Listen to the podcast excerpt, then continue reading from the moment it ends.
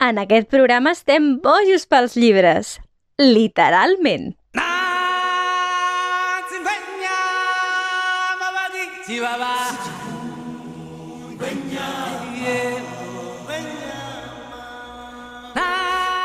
Benvinguts a la nova temporada de Literalment. Espero a aquesta temporada uh, n'hi ha moltes novetats, però eh, novetats secció de contacontes i ja ho, ho anireu escoltant durant la temporada i eh, bueno, és l'única l'única novetat i, bueno, i, i espero que ens escolteu i que i ens ho passarem molt bé.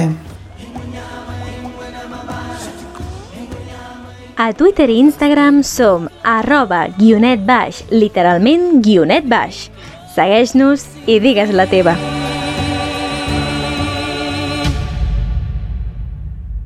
Tot seguit, parlem amb l'Albert. Parlem d'històries, parlem de literatura, parlem de relats.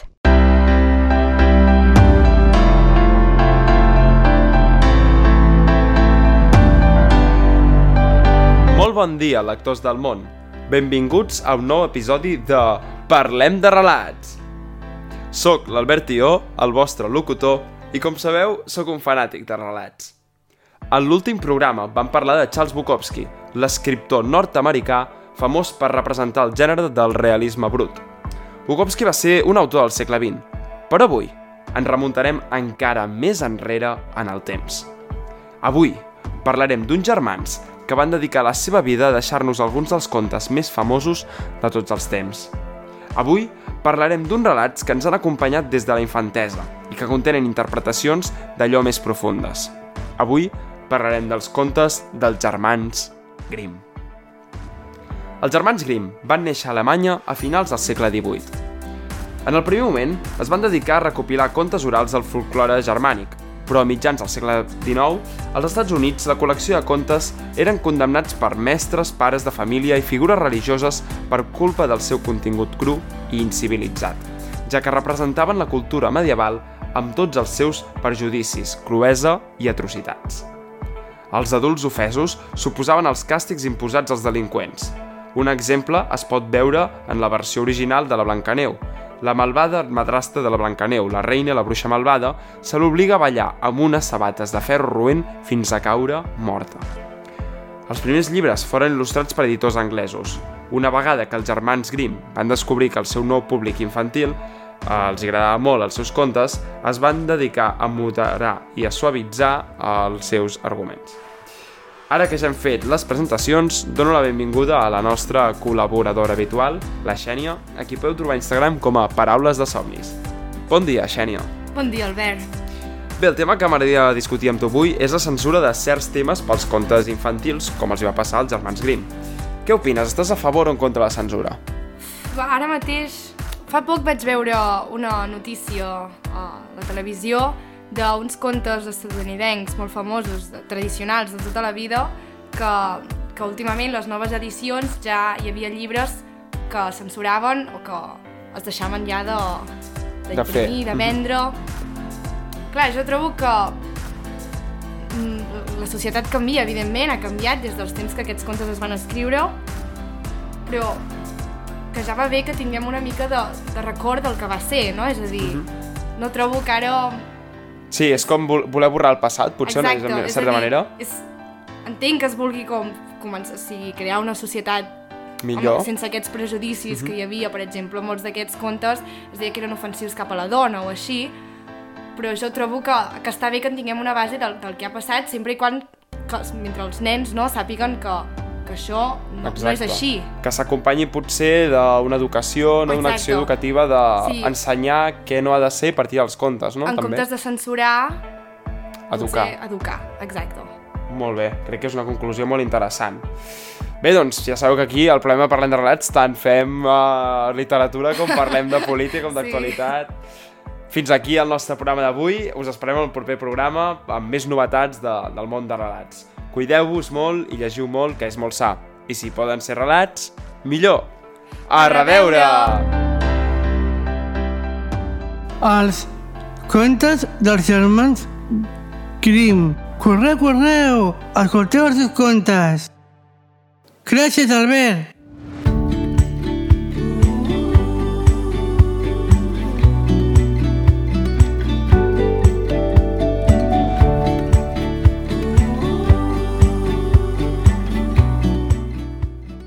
Personatges mítics infantils sempre són divertits. Del meu amic Albert Freises. El flautista de Hamelin. Fa molt, molt de temps, a la pròspera ciutat de Hamelin, va succeir una cosa molt estranya. Un matí, quan els seus satisfets habitants van sortir de les seves cases, varen trobar els carrers envaïts per milers de ratolins que rondaven per totes bandes. Bé, més que ratolins, eren rates gegants i fastigoses, ben peludes i ben potents, devorant insaciables el gra dels seus graners i el menjar dels seus rebosts, i infectant-ho tot.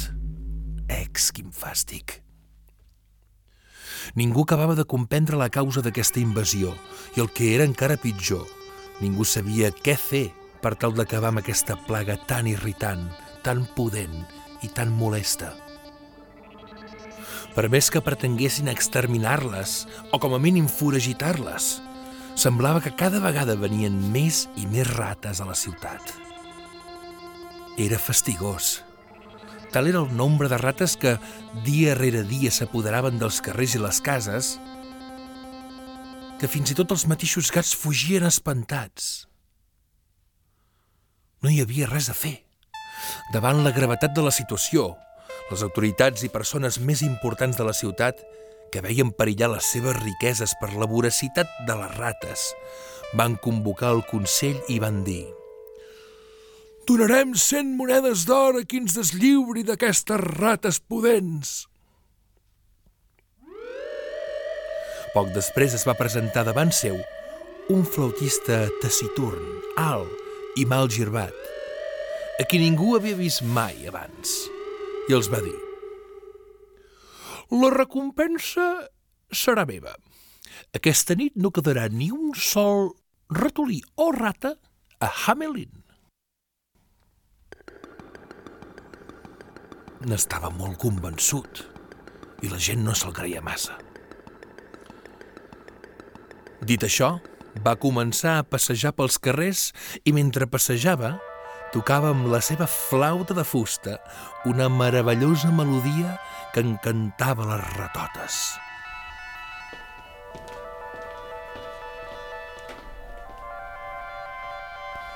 que seguien les seves passes, ben encantades, com si estiguessin hipnotitzades.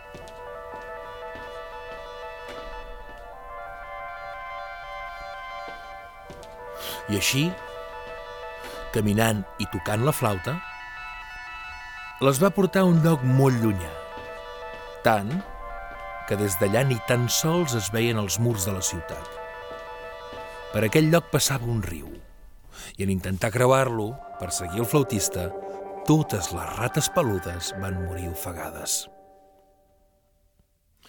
Els hamelinesos, que és com es deia la gent del poble de Hamelin, en veure's per fi lliures de les voraces tropes de rates, van respirar alleujats. Oh, per fi! Semblava impossible, però ja estem més tranquils i tranquil·les. Ja tranquils i satisfets, van tornar als seus pròspers negocis i tan contents estaven que fins i tot van organitzar una gran festa per celebrar el feliç desenllaç, menjant excel·lents viandes i ballant fins molt entrada la nit. Visca, eh, visca, ja no tenim rates, eh, Hamelin torna a ser un lloc fantàstic i net, que bé, podem seguir fent diners. Visca. El matí següent, el flautista es va presentar davant del Consell i va reclamar als prohoms de la ciutat les 100 monedes d'or promeses com a recompensa. Però aquests, deslliurats ja del seu problema i secs per la seva cobdícia, li van contestar Vés-te'n de la nostra ciutat. O potser et pensaves que pagaríem tant d'or per tan poca cosa com és tocar la flauta. ja te'n pots anar, desgraciat. I dit això, els prohoms del Consell de Hamelin li van donar l'esquena, tot esclatant a riure. Quin pallús, ja se'n pot anar, que s'ho havia cregut.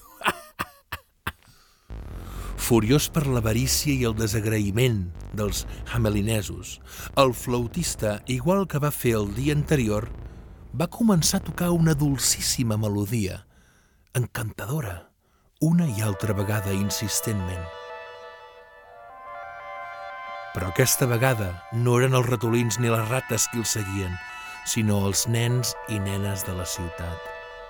Ben jovenets, ben innocents, els quals, hipnotitzats per aquell so meravellós, anaven darrere de les passes de l'estrany músic, sense poder-se aturar. Agafats de la mà i somrients, formaven una gran filera, totalment sorda als pregs i crits dels seus pares que en va, entre plors de desesperació, intentaven impedir que seguissin el flautista. Nens, no marxeu, però què feu? Escolta, filla meva, però on vas, sisplau? No marxeu, que ens quedarem sense fills i filles, però què feu? Torneu! Res aconseguiren i el flautista se'ls endugué lluny, ben lluny, tan lluny que ningú sabia on. I els nens i nenes, al igual que els ratolins, mai més van tornar al poble.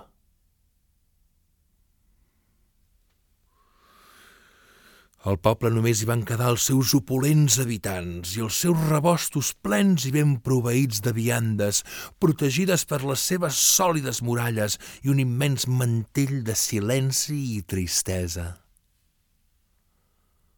I això fou el que va succeir fa molts i molts anys, en aquesta deserta i buida ciutat de Hamelin, on per més que busqueu, mai trobareu ni una rata ni un nen o nena. Fi.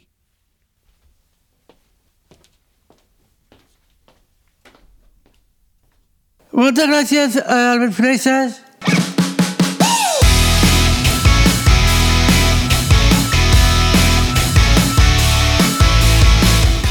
Estàs escoltant el programa on la literatura infantil i juvenil és la protagonista.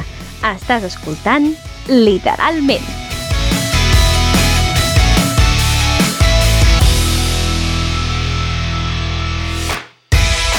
Seguim amb el reportatge de la Misha.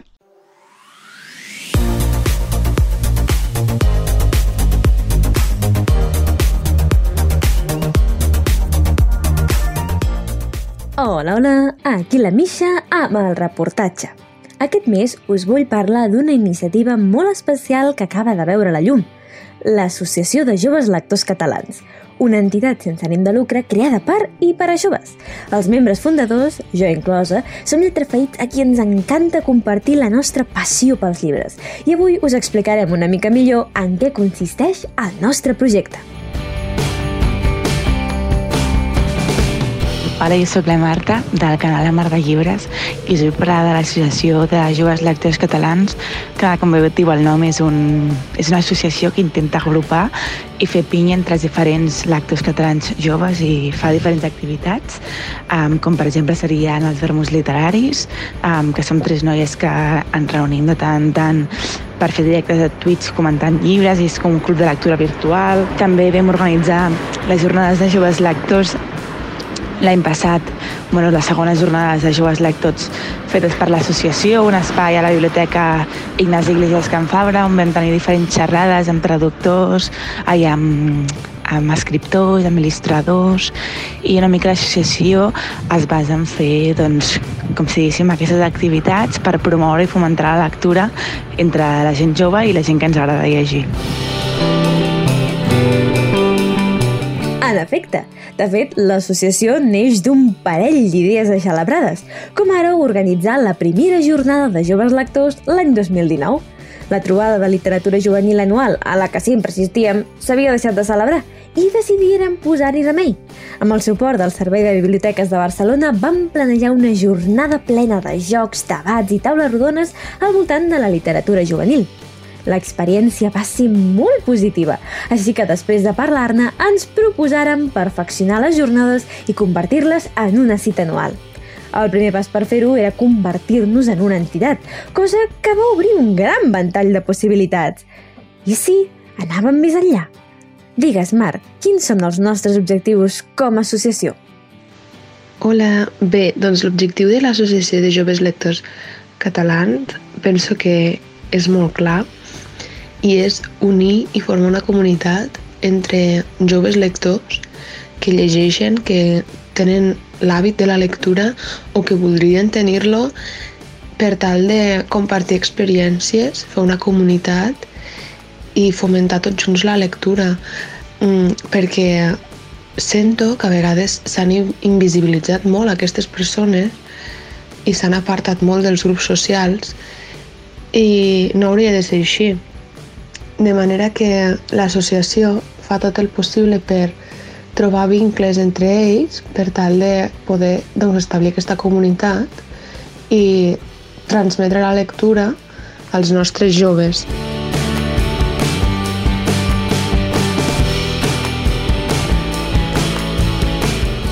Formar part de l'Associació de Joves Lectors Catalans permetrà que joves d'arreu del territori gaudeixin d'una sèrie d'avantatges i tinguin accés a un espai exclusiu. Què ens en pots explicar, Arnau? Hola, Misha. Gràcies per convidar-me a parlar sobre l'Associació de Joves Lectors.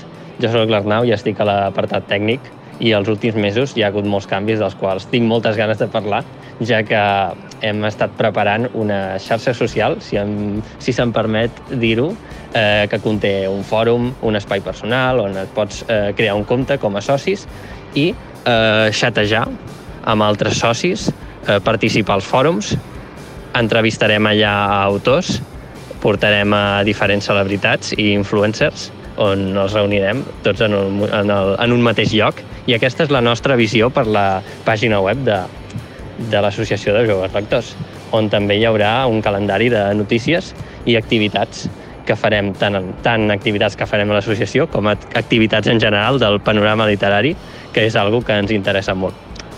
Aleshores, aquesta pàgina web no està gens fàcil de fer. Eh, hi ha hagut molts intents de fer servir tecnologies que després van fallar i coses que no han acabat de funcionar. Però finalment hem aconseguit, eh, en Didac i jo, en Didac és l'altra persona del l'equip tècnic, doncs hem pogut muntar per fi aquesta meravellosa pàgina web que, a més a més, ve complementada per una aplicació d'Android i una altra d'iPhone.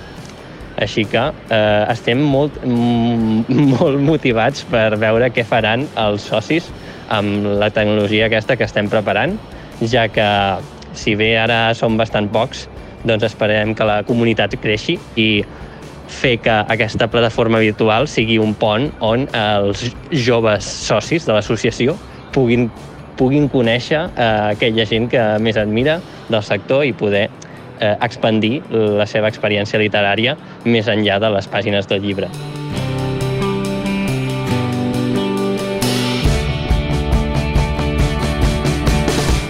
I tot plegat per un euro al mes. A través de les quotes dels socis, subvencions i donacions, esperem poder tirar endavant tots els projectes que tenim en ment. Projectes que idearem plegats per poder interpel·lar els joves com nosaltres i passar-nos-ho d'allò més bé plegats. Som joves lectors i volem fer-nos sentir. Som AJLC. Escolteu-nos, perquè tenim molt a dir.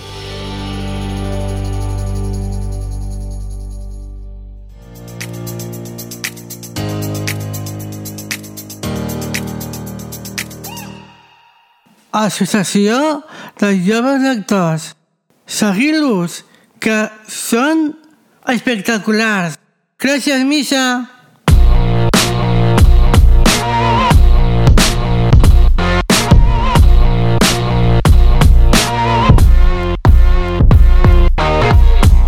Per tots els déus i deeses!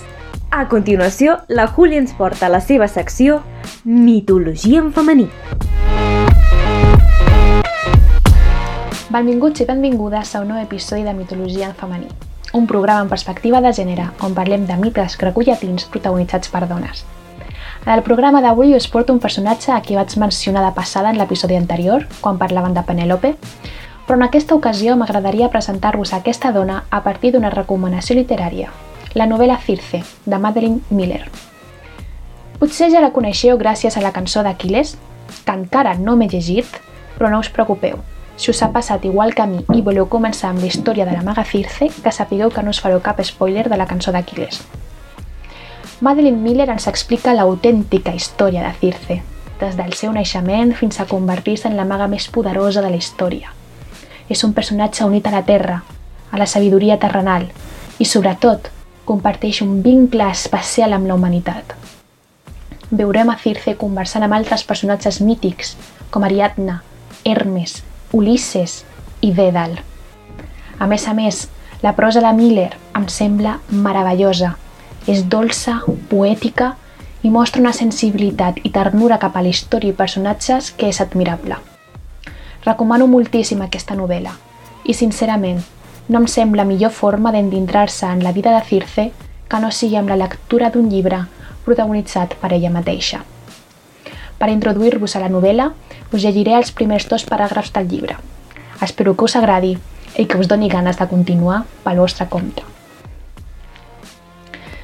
Cuando nací, no había palabra para lo que yo era. Me llamaron ninfa, suponiendo que sería como mi madre, mis tías y mil primas.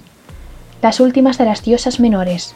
Nuestros poderes eran tan modestos que apenas nos garantizaban la eternidad. Hablábamos con los peces y alimentábamos a las flores. Extraíamos agua de las nubes y sal de las olas. Esa palabra, ninfa, marcaba el alcance y la envergadura de nuestros futuros en nuestra lengua no solo significa diosa, sino también novia. Mi madre era una de ellas, una náyade, guardiana de manantiales y ríos. Llamó la atención de mi padre cuando éste vino a visitar los aposentos de su padre, Océano. En aquellos días, Helios y Océano frecuentaban mutuamente sus mesas. Eran primos y de igual edad, aunque no lo parecía. Mi padre refulgía como el bronce recién fraguado, mientras que Océano había nacido con los ojos llorosos y una barba blanca que le llegaba al regazo. Sin embargo, ambos eran titanes y preferían su mutua compañía a la de aquellos extravagantes dioses nuevos del Olimpo, que no habían visto la creación del mundo. Escolteu aquesta novel·la. Us agradarà molt. Moltes gràcies, Júlia.